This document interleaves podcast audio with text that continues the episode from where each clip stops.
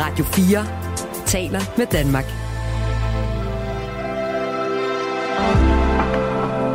Velkommen til morgenrutinen. Mit navn er Mathilde Anhøj, og jeg er jeres vært i morgenrutinen i dag, hvor det skal handle om mobbekultur. For hvad vil det egentlig sige? Hvordan opdager man, at man har en mobbekultur, og hvad skal man gøre ved det? Det kan jeg jo slet ikke svare på, men heldigvis er jeg ikke alene i studiet. Jeg har nemlig besøg af seniorrådgiver i Red Barnet og mobbeekspert Naja Kingsson. Velkommen til dig, Naja. Tak for det. Naja, øhm, kan du sådan sige mere eller mindre præcist, hvor mange børn bliver egentlig mobbet i Danmark? Øhm, det er svært at svare på. Der er rigtig mange forskellige undersøgelser. Man kan sige, at den, en af de seneste undersøgelser, den der bliver lavet hvert år, det er den undersøgelse, der hedder den nationale trivselsmåling. Den bliver lavet hvert år for alle skolebørn, og øh, den seneste måling viste, at der var cirka 12 procent, som bliver mobbet. 12 procent af børn? Ja, fra 4. til 9. klasse. Okay. Og det er jo altså rigtig mange, og det er desværre også stigende i forhold til tidligere. Nå. Okay, så der er faktisk en bevægelse i gang der. Det er jo sikkert også vigtigt, når man skal tale om løsninger. Hvad er det, der har sat det i gang, og hvordan standser vi det? Det går faktisk tilbage lige nu ja, inden i, for mobning. I mange år har det gået den rigtige vej. Der har været færre børn, der har fortalt, at de bliver mobbet. Og nu ser det ud som om, at det igen går den forkerte vej, og der er flere, der både føler, at de har det dårligt, og derfor også føler, at de bliver mobbet. Ja, og de ting hænger selvfølgelig sammen. Lidt eller hønnen og ægget, at det sikkert går begge veje. Ikke? Ja. Er der nogen, nu sagde du 4. til 9. klasse, så fordi jeg skulle til at spørge om, om der var nogle aldersgrupper, hvor det altså piker, hvor der er mere mobning end andre? Vi kan se, at der er, at der er mest mobning omkring 4., 5. 6. klasse, ja. øh, og så falder det lidt igen. Men det handler også mere om, hvad det er, man kalder det. Fordi mobning okay. er måske en ting, som man mest har lyst til at sige om det, man oplever, når man er barn. Og når man begynder at blive teenager og ungt menneske, og måske særligt som voksen, så synes vi ikke, at det er et ord, vi har lyst til at putte på os. Og det gør jo, at når man bliver spurgt i en undersøgelse, så siger man ikke, at man bliver mobbet. Så siger man måske i stedet for, at man er ensom, eller at man... Øh, ikke har så mange ikke venner. Det, ja, eller ikke har det godt, øh, føler sig deprimeret. Øh, forskellige andre måder at udtrykke sig på. Så, så derfor så... Der kan komme et skift der. Lidt ligesom ja. når man holder op med at sige, skal vi lege, og siger, skal vi være sammen. Lige så kan, kan det der mobbeord også på en eller anden måde udgå. Ja. ja, men der er også noget omkring den alder, man har der i 4., 5., 6. klasse, hvor vennerne bliver enormt vigtige. Så derfor rammer det også en ekstra hårdt, hvis man ikke har de venner. Hvad det egentlig vil sige øh, at mobbe og at blive mobbet, og hvordan det opstår og hvorfor, det dykker vi meget mere ned i i dag. Ved ikke, hvad der venter. Ny start, nye mennesker. Ville ønske, jeg kunne gemme mig. Mm. Er der nogen, der vil vende sig? Der vil finde mig. Tag mig med, tag mig med og uh, yeah. For jeg ved, at vi er bedre, når vi følges selv Og min mor har altid sagt, jeg bare skal være mig selv For du mm,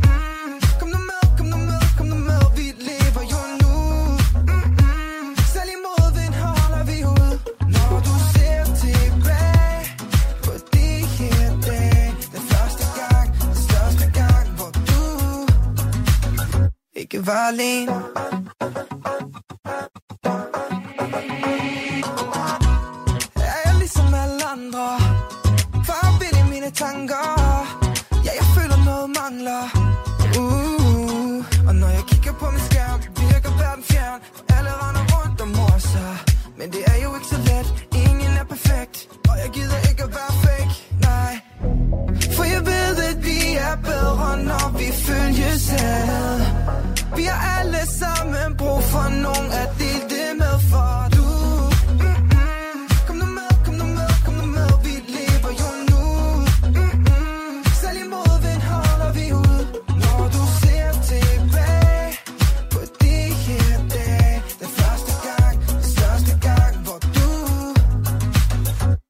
alene. Morgenrutinen har mobning på programmet i dag, og jeg har besøg af seniorrådgiver i Red Barnet og mobbeekspert Naja Kink Son. Øhm, vi har allerede talt om, øh, at det går jo ikke så godt med mobning. Det går faktisk den forkerte vej, og vi er oppe på omkring 12 procent, sagde du det? Ja. Øhm, af børn, der bliver mobbet i 4. til 9. klasse. Øhm, og der kan også være noget med, at man ikke kalder det mobning, når man er ældre. Hvad kalder man det, når man er mindre? Er det så at blive drillet, eller hvad? Ja, det vil det være. Eller blive holdt udenfor. Eller blive holdt udenfor, ja. Ja, fordi man skal huske, at mobning er ikke kun det, nogen gør imod en. Det kan også være det, som folk ikke gør imod en. Hvis man øh, bliver ignoreret, ikke får lov til at være med i en leg, eller ikke bliver inviteret med til en fest, hvis man er ældre. Ja, og jeg tænker også, mobning, altså ordet har jo et eller andet, øh, eller det ved jeg ikke, om det har, det må du svare på som eksperten, men intentionelt i sig, hvor jeg tænker, altså vuggestuebørn mobber jo ikke.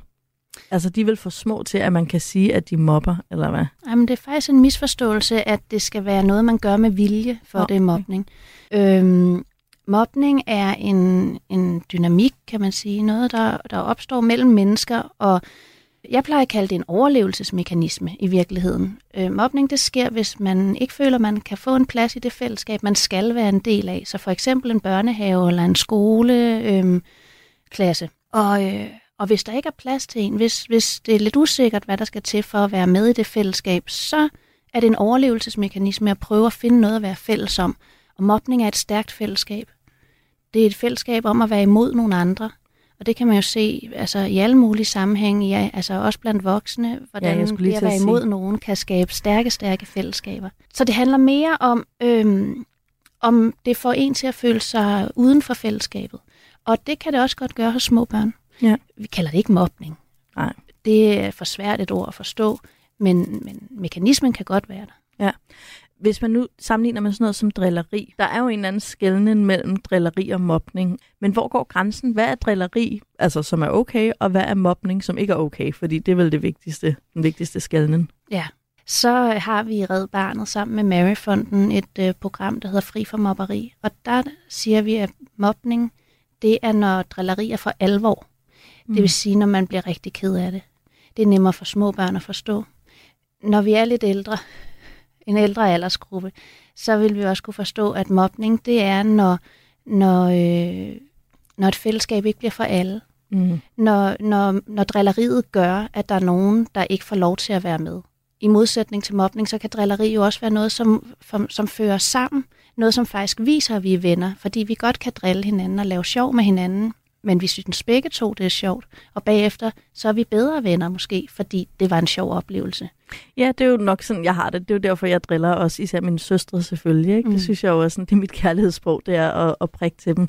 Øhm, jeg håber godt nok, de også synes, det er sjovt. Det kunne være, at de skulle tjekke det. Ja, og det er jo det, som er virkelig det vigtige, og som også er vigtigt at lære børnene, det er, at, at det er ikke alle, som har det som deres kærlighedssprog. Det er ikke alle, mm, som, som synes, det er sjovt, og man skal kunne læse hinandens grænser og... Øhm, og være sikker på, at det er sjovt, for ja. at, øh, at det er i orden. Er det et element ved mobning, at, at det altid er det, den samme, der bliver drillet? Altså før i tiden, for 10-20 år siden, der sagde man, at det var det samme barn.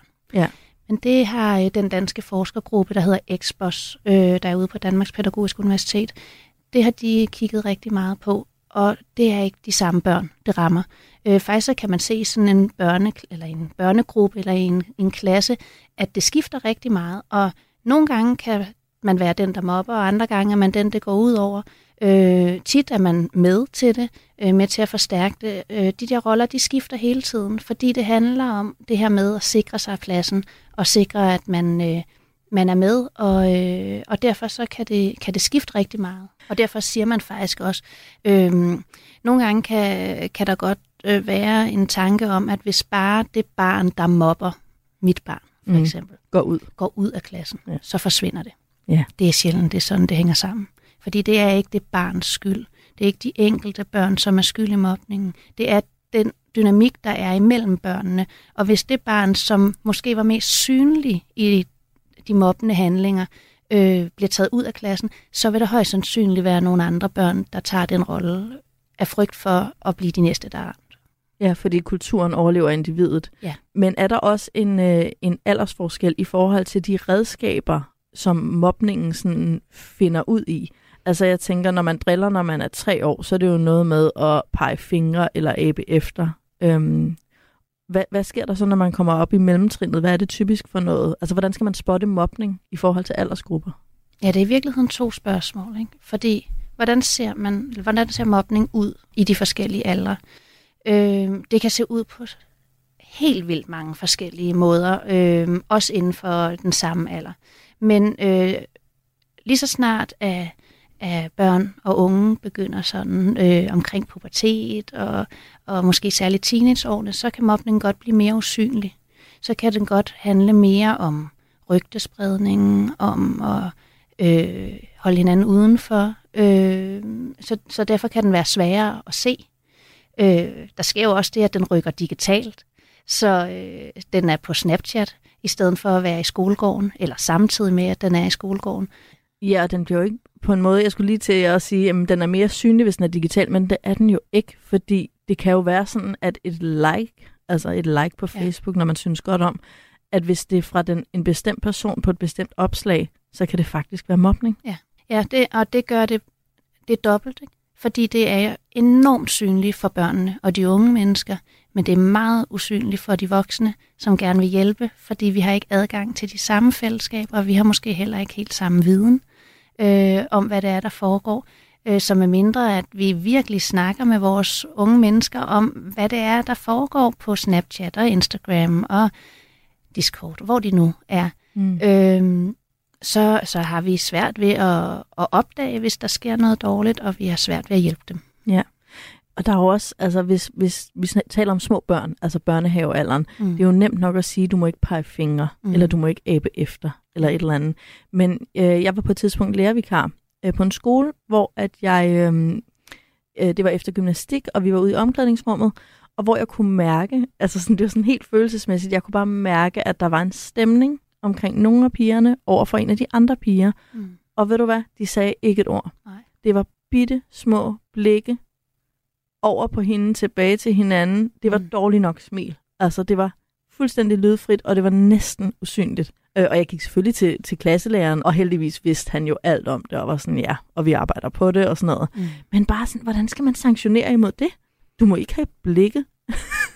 ja, men i virkeligheden, så skal man ikke, øh, man skal ikke sanktionere. Man skal prøve at finde ud af, hvorfor det er der.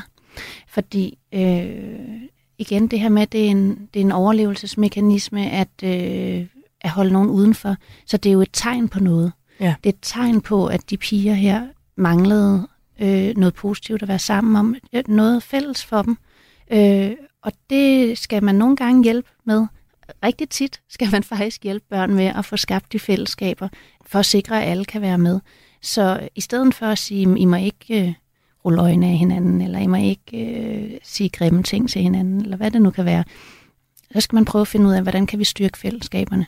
Kan vi arbejde i timerne på en bestemt måde, så vi samarbejder? Kan vi øh, spørge forældrene, øh, om der kan laves øh, legeaftaler, eller øh, fælles arrangementer, øh, forskellige ting, som, som kan være med til at, at bygge fællesskaberne op og gøre, at, at børnene også bliver interesseret i hinanden, også, også dem, som de ikke bare lige havde opdaget af sig selv, fordi de havde noget til fælles umiddelbart.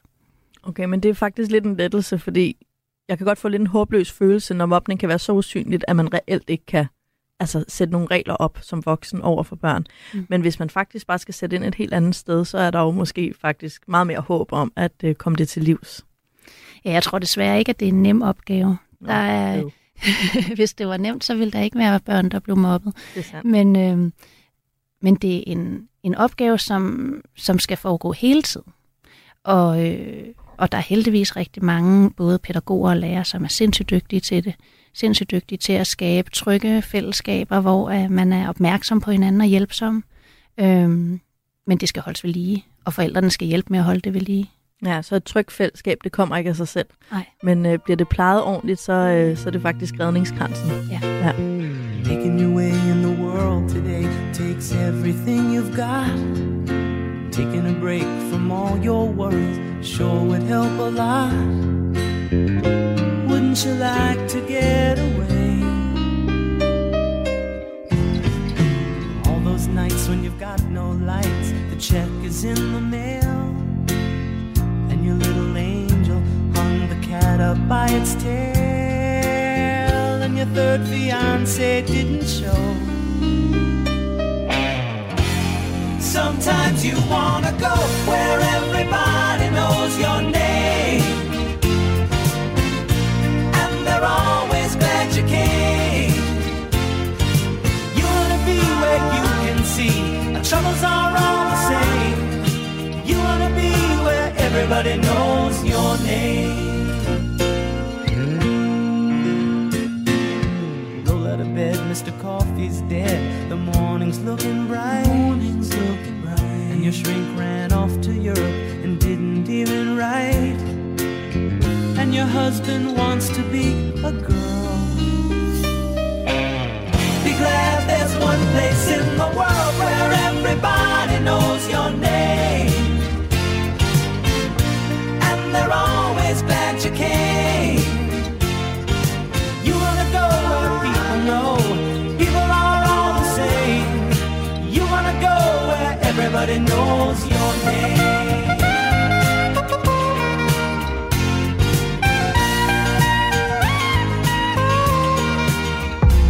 Du lytter til morgenrutinen på Radio 4. Mit navn er Mathilde Anhøj, og jeg er jeres vært i morgenrutinen i dag, hvor jeg har besøg af seniorrådgiver i Red Barnet og mobbeekspert Naja Kingsson. Øhm, Naja, i helt gamle dage, der var det jo den, der blev mobbet, der var noget galt med. Ja. Altså, det var sådan den der forståelse af, at om det var også fordi, du haltede, eller mm. var skilleret, eller et eller andet, så må du forvente, at du på en eller anden måde bliver udsat for den her reaktion fra fællesskabet. Ikke? Og øh, da jeg så selv gik i skole, var det heldigvis ikke sådan mere. Der var det jo mere noget med, at øhm, det var den, der mobbede, der var noget galt med i gåsøjne. Ikke? Og mm. det var den, der mobbede, hvis forældre blev kaldt til samtale, og det var den, der mobbede, der blev også talt om i de andre hjem, sådan, hvad, hvad er hans eller hendes problem, hvorfor er hun så streng og sådan mm. noget. Ikke? Men sådan er det heller ikke rigtig mere. Der er kommet et nyt fokus. Ja. Øhm, det, man er blevet bevidst om, det er, at, øh, at det handler om fællesskaber. Og at øh, børn reagerer på fællesskaber. Så det er i virkeligheden en ændring i, hvordan vi ser på børn.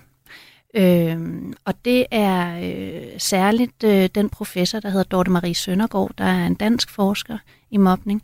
Hun øh, har været ret banebrydende med det her, fordi det er en særlig nordisk ting, en særlig dansk ting, at vi ser på mobning på den måde, at mobning handler om fællesskabet. Og det handler om, at øh, hvis vi bliver presset i fællesskabet, hvis vi ikke føler, at vi kan høre til i fællesskabet, så bliver vi nødt til at gøre noget øh, for at vi kan passe ind. Øhm, og det vil alle børn kunne gøre. Det er en strategi, kan man sige, at du kan mobbe, hvis du er i et utrygt fællesskab. Du kan også vælge en anden strategi, at blive ensom. Selvvalgt ensomhed, det er også en ting. Øhm, det handler i mindre grad om, hvad du er for en person, hvad det er, du har med dig hjemmefra. Altså jeg kan også huske de der fortællinger om, hvis der var nogen, der blev mobbet, at så sagde de voksne som en trøst, at det er også fordi, at hun har det dårligt derhjemme. Eller ja, sådan noget. Man blev ved med at pege på, enten at der var noget galt med børnene, eller at der var noget galt med deres forældres måde at opdrage på. Ja. Og selvfølgelig er der mange ting, der spiller ind, hvorfor mobning opstår. Men det, der bare er tydeligst, og som de danske mobbeforskere har peget på, er det tydeligste fællestræk, det er, at der mangler sammenhold i klassen ja. eller i børnegruppen, og at der ikke er plads til forskelligheder. Ja, så det er simpelthen, det er fællesskabets karakteristika og ikke individets karakteristika, der bliver altafgørende. Ja. Så en børnegruppe, hvor som er sådan særlig øhm, udsat, særlig mob, mobningsudsat. Ja. Hvad er det for en type børnegruppe? Hvordan ser den ud? Jamen, det er en børnegruppe, som er usikre på, hvad de er fælles om. Og det kan der være mange årsager til. Det kan være, at de har haft øh, rigtig mange forskellige lærere og pædagoger i løbet af deres skoletid, øh, så der har ikke været en, en fast ramme. Det kan også være, at da de startede i børnehaveklasse, at det simpelthen helt tilfældigt var sådan, at de ikke interesserede sig for de samme ting, og så har der ikke været nogen voksne, der har hjulpet dem med at finde ud af, hvad det er, de så skal være fælles om. Det kunne for eksempel være bare det at gå i klasse sammen og være fælles om, at i vores klasse er vi en god klasse og søde ved hinanden, vi hjælper hinanden. Ja, og hvis det ikke sker, altså hvis, er, det, er det en følelse af usikkerhed hos det, børnene? Det er helt klart en følelse af usikkerhed. Man har helt grundlæggende som mennesker et psykologisk behov for at høre til sammen med andre mennesker. Det er, det er helt grundlæggende for alle børn som voksne. Og når man bliver når man bliver øhm, i tvivl om, man hører til et fællesskab, så kommer der en, en grundlæggende frygt for, at man, man ikke hører til. øh, og at man måske endda bliver skubbet ud. Og, øh, og sådan helt øh, nørdet måske, så kan man sige, at, at når man føler den frygt, så vil man gøre alt for ikke at have det sådan. Og en af de bedste måder at sørge for, at man ikke føler øh, den her frygt for at blive holdt udenfor, det er at, at skabe foragt for noget andet. Skabe en, en, øh, et ubehag, eller at man ikke kan lide nogen andre. Fordi hvis der er nogen andre, som man bliver enige om, man ikke kan lide, så kan man være fælles om det. Og så kan man være tryg. Og så kan man blive mere tryg. Der er ikke nogen, der er trygge i et mobbende gruppefællesskab. Når vi så som voksne kigger ind på en børnegruppe, Mm. Hvad kan så være nogle tegn på, at det her er en utryg børnegruppe? Jeg arbejder mest med skoleklasser. Ja. Det er dem, jeg, jeg ved mest om. Øh, hvis man har en gruppe børn, som øh, holder øje med hinanden. Det kan for eksempel være, når læreren stiller spørgsmål i timen, at der ikke er nogen, der har lyst til at svare. At der bliver sendt øjne. Man skal lige se, øh, hvad, øh, er, det her et, er det her et spørgsmål, vi har lyst til at svare på, eller skal man holde sig tilbage? Hvad gør de andre i gruppen lige Hvad nu? gør de andre i gruppen lige nu? Det kan også være det modsatte, og det hører jeg rigtig meget om, når, øh, når jeg er ude på skoler øh, i øjeblikket, at, øh, at en skoleklasse nærmest kan føles som sådan en kommentarspor, øh, hvor alle hele tiden skal gøre sig gældende, hele tiden øh, sige noget for at være sikker på, at man bliver hørt og set og øh, bemærket på den rigtige måde. Men det kan også være øh, som forældre, at man for eksempel oplever, at ens barn øh, kommer hjem og siger, at de ikke får lov at være med, at øh, de bliver valgt fra, øh, eller at der er nogle helt bestemte ting, man skal for at være sej. Ja, jeg kan huske det, altså fra da jeg selv var yngre, at det der med tøj, øh, netop i, øh, når man kommer op i midten af folkeskolen, lige pludselig bliver super vigtigt at få de der bukser, fordi det kan sikre mig en plads i fællesskabet. Ja. Men hvor trækker man grænsen? Fordi altså, som forældre, hvis jeg har et barn, der kommer hjem og gerne vil have, at jeg gør et eller andet, for at de kan få en plads i fællesskabet, det vil godt nok være svært at sige nej til. Nej, altså jeg vil da bare købe de bukser Ja. og sikre mit barn det plads i fællesskabet. Mm. Men kan jeg så gøre noget andet også? Kan jeg sætte ind over for den der kultur også, som jeg så har opdaget? Eller understøtter jeg den bare simpelthen for meget ved at købe de bukser? Åh, oh, det er et svært spørgsmål, fordi de der bukser kan jo også bare handle om, at de er mega seje, og det var det, der var moderne. Så, øh, så det, at ens barn gerne vil have de samme bukser som vennerne, det er ikke et tegn på i sig selv, at der er mobning eller en utryg kultur. Nå. Det var godt. Men hvis der nu er en masse forskellige af de her ting, Ja. så handler det ikke så meget om, at man som forældre skal lade være med at, at give, altså, give de bukser, for eksempel. Men jeg vil reagere. Jeg vil kontakte øh, mit barns øh, lærer eller pædagoger og sige, at jeg undrer mig over, at, øh, at mit barn er så optaget af det her, og øh, hvordan er dynamikken i klassen, Ja. for eksempel. Og spørge lidt nysgerrigt til det, øhm, og høre, om det er noget, de er opmærksom på. Der er også noget med i forhold til det her med, hvad, hvordan kan man se, om der er utryghed i en børnegruppe. Ja. Hvis man oplever, at der er rigtig mange konflikter, der bliver ved med at vende tilbage. Hvis ens barn kommer hjem hele tiden og fortæller om små og store konflikter, men at det fylder enormt meget. Det kan også godt være et tegn på, at der er noget, som ikke bare handler om den konkrete konflikt, men som er mere underliggende og som, øh, som der er brug for at blive taget hånd om fra, øh, fra skolens side. Fordi det kan være, at det er et udtryk for det her med, at børnene holder øje med hinanden, som du siger. Ja. At det er, at det er et af de her utryghedstegn. Ja. Og det, det giver også god mening. Man kan sige, når man er allermest afslappet, holder man ikke øje med en skid. Det er der, man glemmer, hvor ens telefon er, og bare hygger sig. Summer sun has come to stay. Bikinis, tans, outrageous legs, they're all retarded. And they all look the same. And Barbie's body's melting down. On her face, a big fat frown. Cause Mr. Cellulite just moved into town. Well,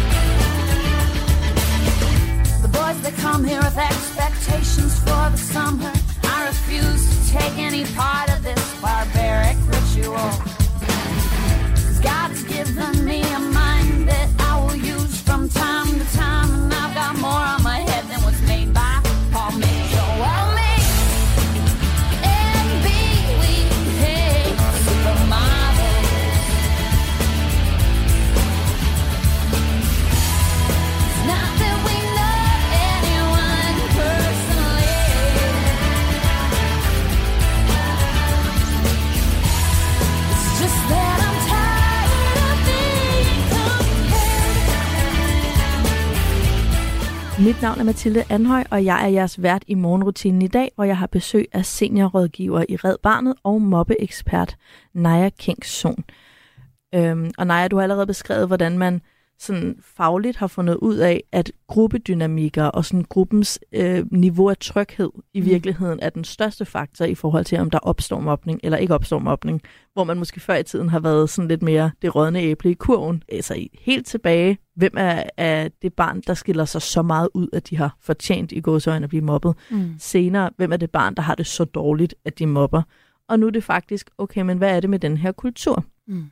Øh, har den her viden så også øh, ændret skolers øh, og ja, voksne, generelt voksnes måde at gå til mobning på, når man skal løse det?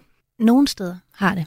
Der er rigtig mange skoler, som er gode til at, at øh, skabe gode fællesskaber, og som har enormt stort fokus på, at, øh, at de også har et ansvar i forhold til at sikre, at børnene føler, at de hører til. Samtidig så er det enormt svært, fordi når der er mobning, og når der er øh, Øh, utryghed i en klasse, så ser vi jo børn, der gør ting. Og selvom at man måske godt ved, at øh, det handler om en gruppedynamik, og de gør det, fordi der er et fællesskab, der er presset, så når der står et barn og kalder en anden en noget grimt, eller en kæmpe slåskamp, så ser vi enkelte børn. Og så skal man reagere hurtigt, og det gør, at det kan være rigtig svært at handle rigtigt og klogt i forhold til øh, de situationer, der, øh, der foregår. Øh, fordi vi får lyst til at stoppe situationen. Ja, og man kan jo ikke løbe hen og tage fat i en gruppedynamik og tage den et andet sted hen. Nej. Man kan jo kun tage fat i barnet og gå et andet sted hen, altså den, der siger noget grimt. Ja, og jeg vil også sige det sådan, at, at, øh, at den måde, som, som vi i Red Barnet anbefaler, at man håndterer mobning på, det handler om at tage fat i de grundlæggende mekanismer og ser på, hvordan er klassefællesskabet, hvordan kan man opbygge tryghed og en hel masse forskellige ting. Der er ikke én løsning, der kan fikse det hele, men øh, det kræver tid. Det kræver også en tid, som rigtig mange skoler ikke har lige i øjeblikket. Øh, det kræver forberedelsestid øh, fra lærere og pædagoger. Det kræver også, at man er tilstrækkelig, altså at man er nok personer, voksne, til at opdage det. Øhm, og så kræver det, at man kan genkende det, at man ved noget om mobning, man ved, hvordan man håndterer det, og, og det er svært. I Red der har vi sammen med Børns Vilkår og Maryfonden udviklet et program, der hedder Skolestyrken, som øh, blandt andet har et værktøj til at håndtere mobning, med en masse forskellige konkrete forslag til, hvordan man kan gøre. Men igen, der er ikke én løsning. Men vi prøver at hjælpe skolerne, fordi det er svært. Ja, hvad er nogle af de værktøjer, man sådan kan hive frem, som ikke er at tage barnet, der sagde noget grimt, med ud på gangen? Ja, øh, med far for, at det kommer til at lyde øh, alt for basalt, så kan det for eksempel være, at man i, i, øh, i klassen på skolen sørger for at gøre undervisningen øh, til det, man er fælles om. Og for at gøre undervisning til det, man er fælles om, så skal man have fokus på, hvordan samarbejder man, hvordan laver man gruppearbejde, hvordan giver man god feedback til hinanden. Men jeg kunne også godt forestille mig, og det er måske, når man kommer lidt højere op i alderen end 4. klasse, men øhm, altså når der kommer noget fra læreren, eller fra autoriteter, eller voksne generelt, så kommer der bare hurtigt en reaktion fra de unge, øh, sådan modkulturagtigt. Mm. At hvis jeg siger, at det er vigtigt at tale pænt til hinanden, så bliver det næsten endnu sejere at tale grimt til hinanden. Ja. Altså, hvad gør man med, sådan, med, med, med det instinkt hos unge, når de vil reagere imod det?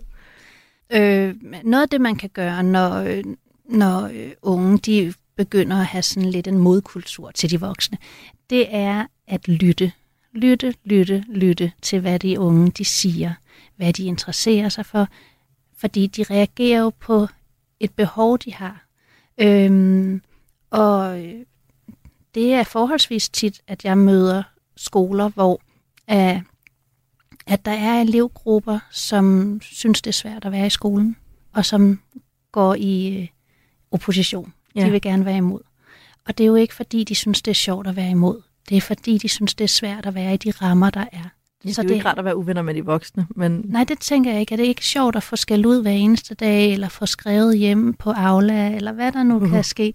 Der er en grund til, at man gør det. Ja. Og både som forældre, men i særdeleshed også som øh, professionelle lærere og, og pædagoger, der skal vi kunne se bagom, hvorfor det er, at, at der er den her modkultur, og så lytte til, hvad det er, de har for et behov. Ja, for der er jo nok også nogle gange et behov for, altså både for børn, men især unge mennesker, øh, altså det her med autonomi, altså Ja. at selv at vælge, og ikke få påduttet sig de Mm. voksnes værdier eller et eller andet, ikke? Jo. Fordi man har jo en opbrydningsfase der, sådan rent psykologisk, hvor man trækker sig fra autoriteter. Mm. Øhm, og jeg kan huske, øh, øh, nu jeg var, var jeg barn i 90'erne, og der skulle man lege med alle. Mm. Og jeg blev så sur over det. Jeg var sådan, jeg skal fandme ikke lege med alle. Eller sådan, hvis jeg ikke synes, det er sjovt, eller rart, eller morsomt, fedt, whatever, at lege med en eller anden, så gider jeg ikke gøre det. Mm. Øhm, så hvordan kan, man, hvordan kan man møde det behov hos et barn, uden at sige, jamen så holder du bare hende udenfor? Jeg har lyst til at lave en sammenligning til voksenlivet med det. På en arbejdsplads, der kan du ikke beslutte, at der er nogen, du ikke har lyst til at være sammen med. Hvis du har fælles arbejdsopgaver, så bliver du nødt til at få det til at fungere, også selvom du ikke kan lide personen. I behøver ikke være bedste venner. I behøver ikke at ses efter arbejde, men I skal behandle hinanden ordentligt på arbejdspladsen. I skal snakke pænt til hinanden. I skal lytte til hinanden og respektere hinanden. Og det er det samme i en skole. Man har ikke selv valgt, hvem man er sammen med i sin klasse. Man har heller ikke valgt det i børnehaven for den sags skyld. Vi kan ikke bestemme, at man skal lave legeaftaler derhjemme med alle. Det kan være en god idé at prøve det, men vi kan godt bestemme, at vi alle sammen skal behandle hinanden ordentligt i klassen. Så derfor taler jeg faktisk tit, og det gør vi i Red Barnet, taler om klassekammerater i stedet for venner. Ja. Øh, fordi klassekammerater, det synes vi måske mere er foretrække, og det kan man måske sammenligne med at være en god kollega. Samtidig har jeg lyst til at sige, at som voksen, nu er jeg også selv forældre, man kan jo godt øh, have nogle tanker om, hvilke børn man synes, det kunne være rart, ens egne børn var venner med. Jeg har alle sammen øhm. en lille liste i hovedet. Ja, og hvilke forældre det i øvrigt er rart at være sammen med og så videre. Det er tit nogen, der ligner en selv ja. rigtig meget. Ja, vi er nogle rigtig ghetto-mennesker alle sammen. Ja. øhm, og det er det, som jeg synes, skoler og børnehaver faktisk er rigtig dygtige til at prøve at udfordre. Fordi vi har, vi har alle sammen den der lyst til at søge nogen, som ligner os selv, og som vi umiddelbart kan se, dem er vi i fællesskab med. Ja, for det er så trygt jo. Det Sådan, er om så de trygt. ligner mig, og de ja. Ja. synes det samme, og de ser de samme fjernsynsting og sådan noget, og det er bare så rart. Ja. Og derfor så kan det være en rigtig god idé nogle gange at prøve at udfordre det lidt og sige, at jeg prøver faktisk lige at invitere et andet barn på legeaftale, Ja. når man har børn i den alder, hvor man stadigvæk har lov til at bestemme lidt, hvem det er, de leger med. Ikke? Ja, åh, det bliver hårdt, når det forsvinder, ja. Kan jeg mærke. øhm, men altså, vi voksne skal også udfordre os selv lidt med vores øh, små tryghedssøgende. Ja, det skal vi. Vi kan jo starte med at prøve at sætte os ved siden af nogle andre forældre, end vi plejer til forældremødet. Uha, Ja. der kan jeg mærke, at du allerede udfordrer mig lidt. Skal man ikke gå hen og venindesnakke med dem, man allerede kender? Ja. Nej, men øh, ved du hvad? Udfordring modtaget. Øhm, det, starter, det starter hos de voksne ja. Med at, at søge de mindre eller endnu ikke synlige fællesskaber først.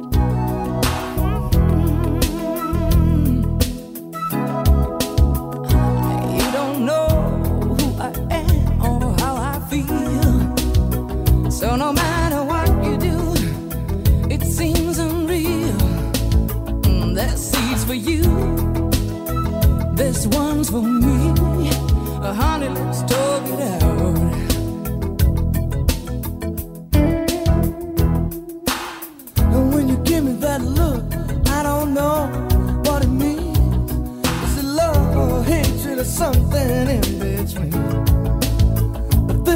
For you, and this one's for me.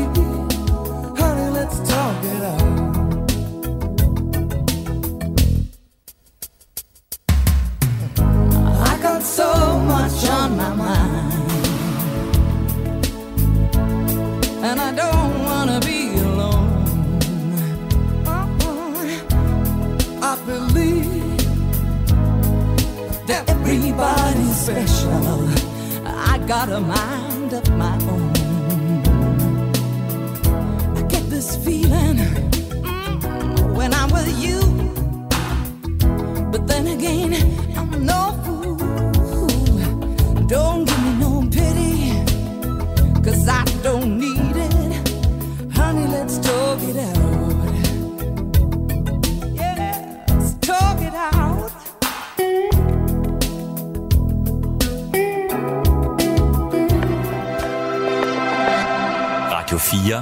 Taler med Danmark. Vi taler i dag om mobbekultur, og jeg har besøg af seniorrådgiver i Red Barnet og mobbeekspert Naja Kingson. Det lyder lidt som om, du er ekspert i at mobbe. Ja. Det er jo ikke det, det betyder. Det betyder, at du ved meget om mobning.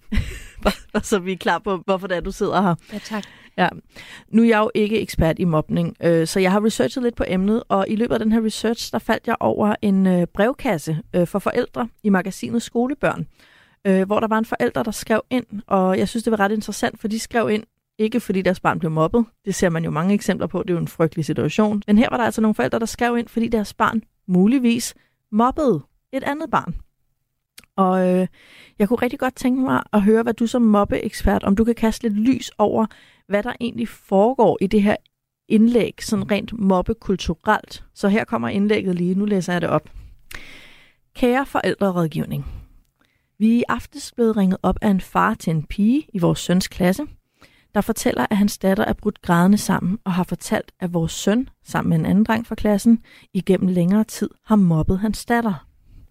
Han siger, de har givet hende et meget grimt øgenavn, som de både kalder hende og har skrevet ned flere steder, blandt andet på hendes spor. Og de skulle derudover have forbudt de andre børn i klassen at være sammen med hende, fordi hun er klam. I vores ører lyder det helt usandsynligt, at vores søde og kærlige dreng skulle have gjort de ting. Men kan det virkelig passe, at han opfører sig helt anderledes over i skolen end herhjemme? Og hvis det virkelig er rigtigt, hvorfor har pigen så ikke sagt noget, når faren siger, at det har stået på i flere måneder eller længere? Er det almindeligt? Det skal siges, at pigen virker temmelig sart.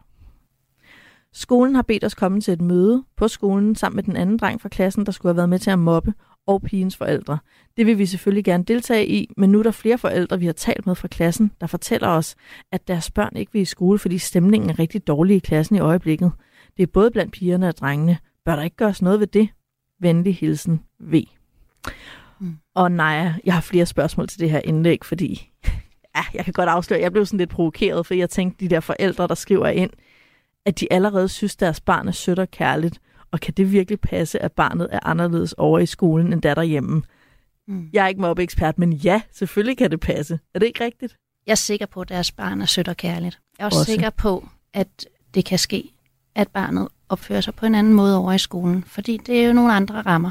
Det er nogle andre mennesker, og øh, som vi har snakket om i dag, hvis det er et utrygt fællesskab, det barn er en del af, og det lader det til, at forældrene også har fundet ud af sammen med de andre forældre, at der er flere, der synes, det er utrygt at være i den klasse, så kan selv den sødeste finde på at gøre ting, der er mobbende. Ingen af os er altså sødere end det fællesskab, vi er en del af på Nej. en eller anden måde. Øhm, så hæfter jeg mig også ved i det her indlæg, at, øhm, at forældrene skynder sig at sige, at den her pige, der bliver mobbet, jo virker temmelig sart. Ja. Og ved du, hvad jeg tænkte? Jeg tænkte, Nå, men ved du hvad, jeres søn mobber nok, fordi I selv er mobbetyperne.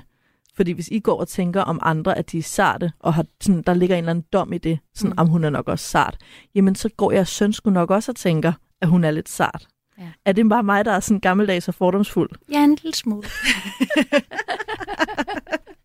okay, noteret. øhm, alle mennesker har forskellige grænser. Og det, som nogen synes er sart, kan nogle andre synes er øh, langt over grænsen. Det, som jeg synes er interessant, og jeg ved jo ikke, om det er det her, der er på spil. Jeg kender ikke den her sag. Men øh, noget af det, som er meget typisk, øh, når der er utryghed i et fællesskab, det er det her med, at man finder en, som skal være søndebukken, for at vi kan have noget at være fælles om. Og som mennesker kan vi ikke lide at gøre ting, der er øh, taglige over for andre. Øh, det er vi heldigvis øh, bedre end. Men nogle gange så gør situationen, at vi føler os tvunget til det alligevel. Og den måde, vi kan få det til at blive i orden, det er ved, at vi skaber alle mulige forklaringer på, hvorfor det er okay. Øhm, og de kommer ikke bare fra den ene dag til den anden. Det kan være lige så stille og roligt. Og en ret typisk forklaring, som, øh, som jeg hører, når jeg er rundt på skoler, øh, det er det her med sarthed. At, øh, at man ikke kan tage mossen. At man ikke øh, har den samme humor, og man skal da kunne forstå, at det bare var for sjov. Ja, det er jo også helt forsvaret for alle MeToo-krænkere. det er, det er, øh, det er sådan en helt psykologisk øh, grundlæggende øh, undskyldningsmekanisme, kan man ja. kalde det. Ikke? Altså det. Vi finder forklaringer. det er okay, øh, vi gjorde, det vi gjorde var ikke forkert, fordi hun, han var for sart, var selv ude om det, Ja. øh, var mega provokerende, øh, vel selv den undskyldning, Ja. du vil bruge, men der er mange forskellige. Ja, det er jo frygteligt. Noget af det, som, som er ret typisk, når der er de her sager, hvor forældre kommer på banen i forhold til mobning, det er, at der opstår sådan nogle kampe i virkeligheden om definitioner. Ja. Var det mobning? Var det ikke mobning? Øh, Var det bare for sjov? Ja, lige præcis. Var det bare for sjov? Var barnet sart? Øh, var det deres egen skyld? Øh, sådan nogle ting. De opstår både mellem forældre, som vi kan høre her, øh, men de opstår også rigtig meget mellem øh, lærer, pædagoger og forældre. Og det er rigtig uhensigtsmæssigt. Fordi øh, det, der rigtig tit sker, det er, at hele samtalen går i stå. Kommer til at handle om, hvad var det, det der skete, i stedet for at kigge på det, der i virkeligheden øh, er behov for. Der er et barn, der siger, at de ikke har det godt. Der er et barn her i brevkassen, som har brudt grædende sammen, fordi der var noget, der var ubehageligt. Hvordan får vi løst det? Det er ligegyldigt, om det er mobning. Det er fuldstændig ligegyldigt, hvad vi kalder det. Men der er barn, der er blevet ked af det. Og så må vi finde ud af, hvordan vi kan sørge for, at det barn bliver glad. Ja, for det må være det vigtigste. Ja. Jeg hæftede mig også ved, at de sagde, am kan det virkelig passe, at det har stået på i flere måneder, når hun ikke har sagt noget? Øhm, kalder man det victim blaming, når det men, mellem voksne, at man hurtigt siger, am, altså man mistænkeliggør anklagen mm. for at forsvare sig, øh, Ja. som, som en del af det der, du siger med, at man det skal helst ikke være mig, der er noget galt med. Altså, det skal helst ikke være mig, der har gjort noget forkert. Mm. Så måske det er bare dig, der siger noget, der ikke passer. Ja, og det kan også handle om, at, øh, at hvis det virkelig var så slemt, hvorfor der så ikke blevet sagt fra før. Ja. Men det er måske kernen i, i mobbemønstre. Man tør ikke. Fordi hvis man siger fra, øh, der kan være så mange ting i det. Kan det blive værre? Men det kan også være enormt skamfuldt, afhængig af, hvor gamle de her børn er. Øh, har man lyst til at sige det højt? Der er desværre virkelig mange eksempler på børn, der ikke fortæller det hverken til forældre eller til lærere og pædagoger, hvis de oplever noget, som, som de synes er ubehageligt. Øhm, fordi det kan være forbundet med skam. Og der er stadigvæk denne her altså ret sejlivede myte med mobning om, at hvis du bliver mobbet, mobbet så er det nok fordi, der er noget galt med dig. Ja. Og øh, den myte gør også, at der er rigtig mange børn, som ikke har lyst til at sige højt, at de bliver ramt, fordi så er det jo nok, fordi der er noget galt med dem. Altså, det er lige før, jeg får lyst til at formulere en regel, der hedder, at det der med, at det ikke er blevet sagt før, Mm. må aldrig være et argument for, at det ikke foregår. Altså, for der er simpelthen så mange gode grunde til for børn ikke at fortælle ja. om de der ting. Ja. At, at det kan man ikke. De forældre, der skrev det her, som jeg tydeligvis er sur på. at det er sådan lidt, jamen det betyder ikke, det ikke er sket. Det betyder bare, at hun har været stresset, eller ja. Skamfuld, eller tusind, været bange for konsekvenserne. Mm. Alt muligt. Det kan jo da være, at de har sagt, du må ikke sladre. Mm. Det er jo også en stor ting i børneflokke, det der med ikke at sladre til de voksne. Ja. Noget af det, som jeg hæfter mig ved, ved, ved brevkassen der, det er det her med, at forældrene snakker med de andre forældre. Og det er sådan lidt en dobbeltsidet ting. Fordi på den ene side er det jo rigtig godt, at øh, forældre kan tale sammen og øh, høre om, hvad det er for nogle oplevelser, de har. På den anden side, så kan det også være brandfarligt og sætte rigtig meget i gang. Altså fordi der ikke er en mediator. Nej, Eller? fordi jeg tænker, altså, i virkeligheden ikke, jeg synes, det er så modigt, at de her forældre til det barn, der føler sig mobbet, at de kontakter forældrene direkte. Og nogle gange kan det være en rigtig god idé, hvis man kan klare det uden at få for mange følelser med og tale på en ordentlig måde med hinanden. Andre gange kan det være en rigtig god idé at gøre det igennem skolen eller igennem børnehaven, fordi så er der ikke det her følelsesmæssige, som påvirker så meget. Øh, men jeg tænkte også på, at det lyder som om, at, at øh, forældrene, der skriver, har snakket med de andre forældre øh, i klassen, og på den måde har fundet ud af, at der er faktisk noget på spil.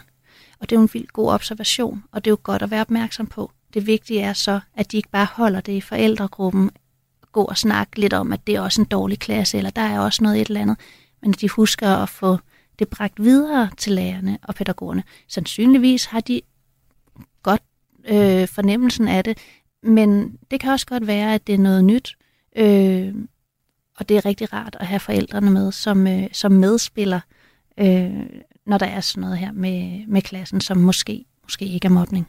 Ja, og det kræver vel også, altså når du taler om mobning, så er det mobbekultur, og man kan ikke ændre en kultur fra en side kun. Altså det er virkelig et samarbejdsgame om noget. Det er det 100 procent. Ja.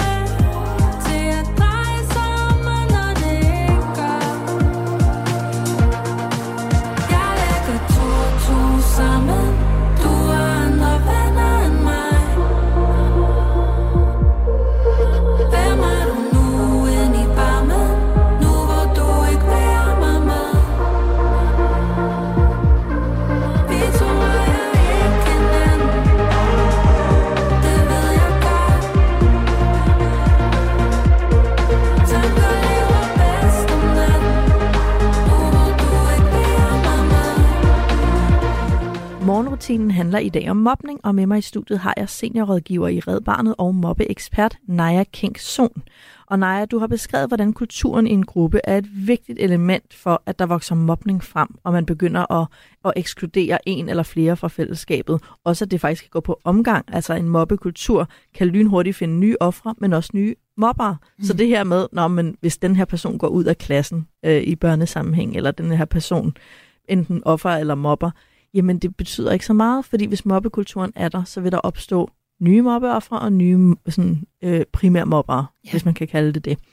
Øhm, men hvad er ellers på spil i forhold til, hvem det er, der bliver udvalgt, altså og ekskluderet fra det her fællesskab? På den ene side, så øh, siger vi nogle gange i Red Barnet, at det er tilfældigt. Men det er ikke mere tilfældigt, end at øh, der er jo der er nogle ting, som er forskelligt fra børnegruppe til børnegruppe. Det er derfor, det kan være tilfældigt.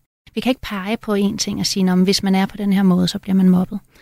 Men i alle grupper af mennesker, der er der nogle normer, altså nogle regler for, hvordan skal vi være sammen, hvordan skal vi se ud, øh, hvad skal vi interessere os for, øh, sådan nogle forskellige ting. Og noget af det, man kan holde øje med i sådan nogle altså børnegrupper, hvor der er utryghed, det er, hvad normerne er. Øh, hvad er det, der er populært? Hvad er det, der er sejt?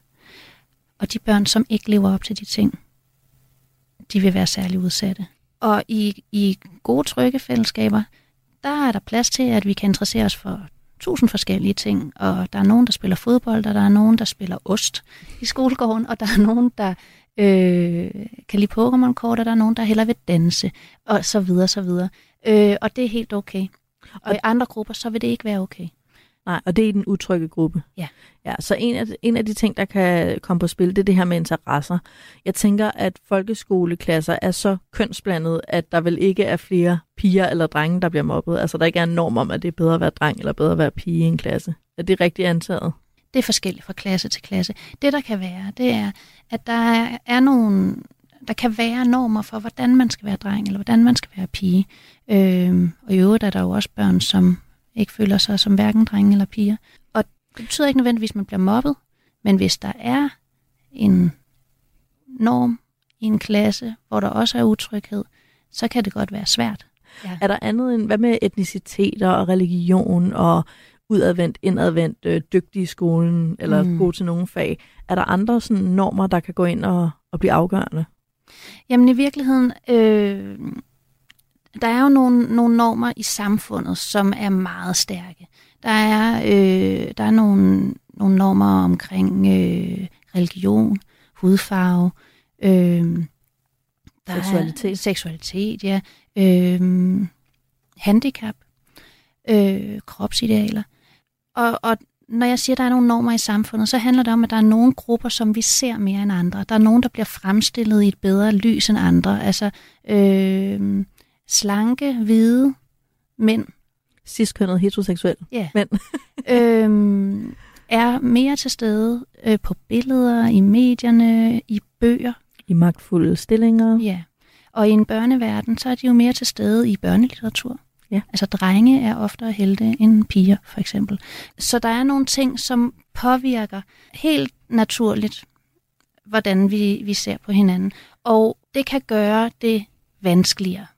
Så det betyder vel også, at man har en vis magt som, altså som voksen i forhold til, hvad man præsenterer børn for. Ja, det, der er i hvert fald en oplagt øh, modpol, kan man sige. Ikke? Øh, hvis vi som forældre prøver at, at øh, vise forskellighed, øh, vælge nogle børnebøger, som, øh, som har nogle seje piger i hovedrollen, eller at vi... Øh, i skolen sørge for, at der er, øh, er billeder af børn med brun hudfarve, ligesom at der er billeder af børn med øh, lys hudfarve øh, side om side, så får vi en mere naturlig forholden sig til forskelligheder, og det gavner fællesskabet, fordi det gør, der er større sandsynlighed for, at vi accepterer hinandens forskelligheder, når vi er vant til at se, at alle mennesker er på alle mulige forskellige måder. Øhm, det er desværre sådan, at der er flere børn, øh, for eksempel øh, børn fra fattige familier, som oplever at blive mobbet. Øh, der er også flere børn med LGBT-baggrund, som føler sig mobbet. Der er flere børn med etnisk minoritetsbaggrund, som føler sig mobbet, sammenlignet med alle børn. Ja. Øhm, vi ved ikke, om det er fordi, de bliver mobbet på grund af en hudfarve, på grund af en seksualitet, eller øh, på grund af økonomiske forhold i hjemmet. Det er der ikke, det er der ikke noget, der øh, kan entydigt kan sige, ja. eller man, vi kan konkludere på. Men det er skræmmende, synes jeg, og det er tankevækkende. Og det bliver de sidste ord om mobning for i dag. Naja Kingsson, tusind tak, fordi du tog dig tid til at komme ind og dele ud af din ekspertviden. Selvfølgelig tak. Og tak til Red Barnet for øh, alt det her. Altså nu ved jeg godt, Red Barnet beskæftiger sig med mange andre ting end lige mobberi. Men I har altså det her øh, Fri for Mobberi-program sammen med Maryfonden mm. øhm, og Skolestyrken, som I også har et os, som også handler om at bekæmpe mobberi. Ja, og skabe trivsel på skoler. Og skabe trivsel på skoler, sammen med Maryfonden og Børns Vilkår. Så I gør et stort stykke arbejde i det her super vigtige område jo, fordi børnene skal jo have det godt.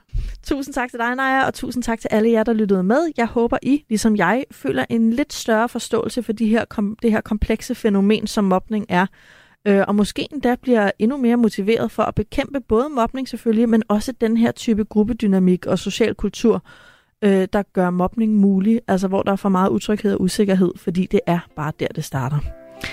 Det var alt for morgenrutinen i denne omgang, men vi vender naturligvis tilbage alle hverdage her på Radio 4.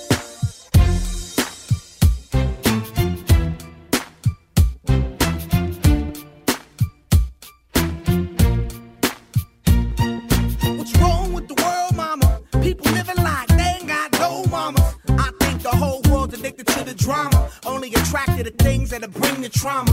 Overseas, yeah, we trying to stop terrorism, but we still got terrorists here living in the USA, the big CIA, the Bloods and the Crips and the KKK. But if you only have love for your own race, then you only leave space to discriminate. And to discriminate only generates hate. And when you hate, then you're bound to get irate. Yeah madness is what you demonstrate. And that's exactly how works and operates. Gotta have love just to set it straight. Take control of your mind and meditate. Let your soul gravitate to the love, y'all, y'all. Killing, people dying, children hurt and you hear them crying. When you practice what you preach and what you turn the other cheek.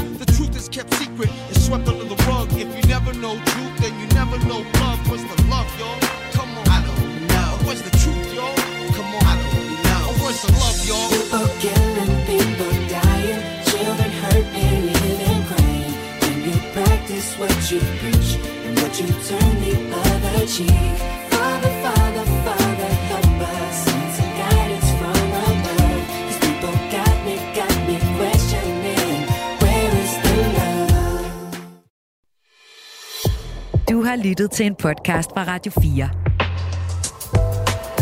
Find flere episoder i vores app, eller der, hvor du lytter til podcast. Radio 4. Ikke så forudsigeligt.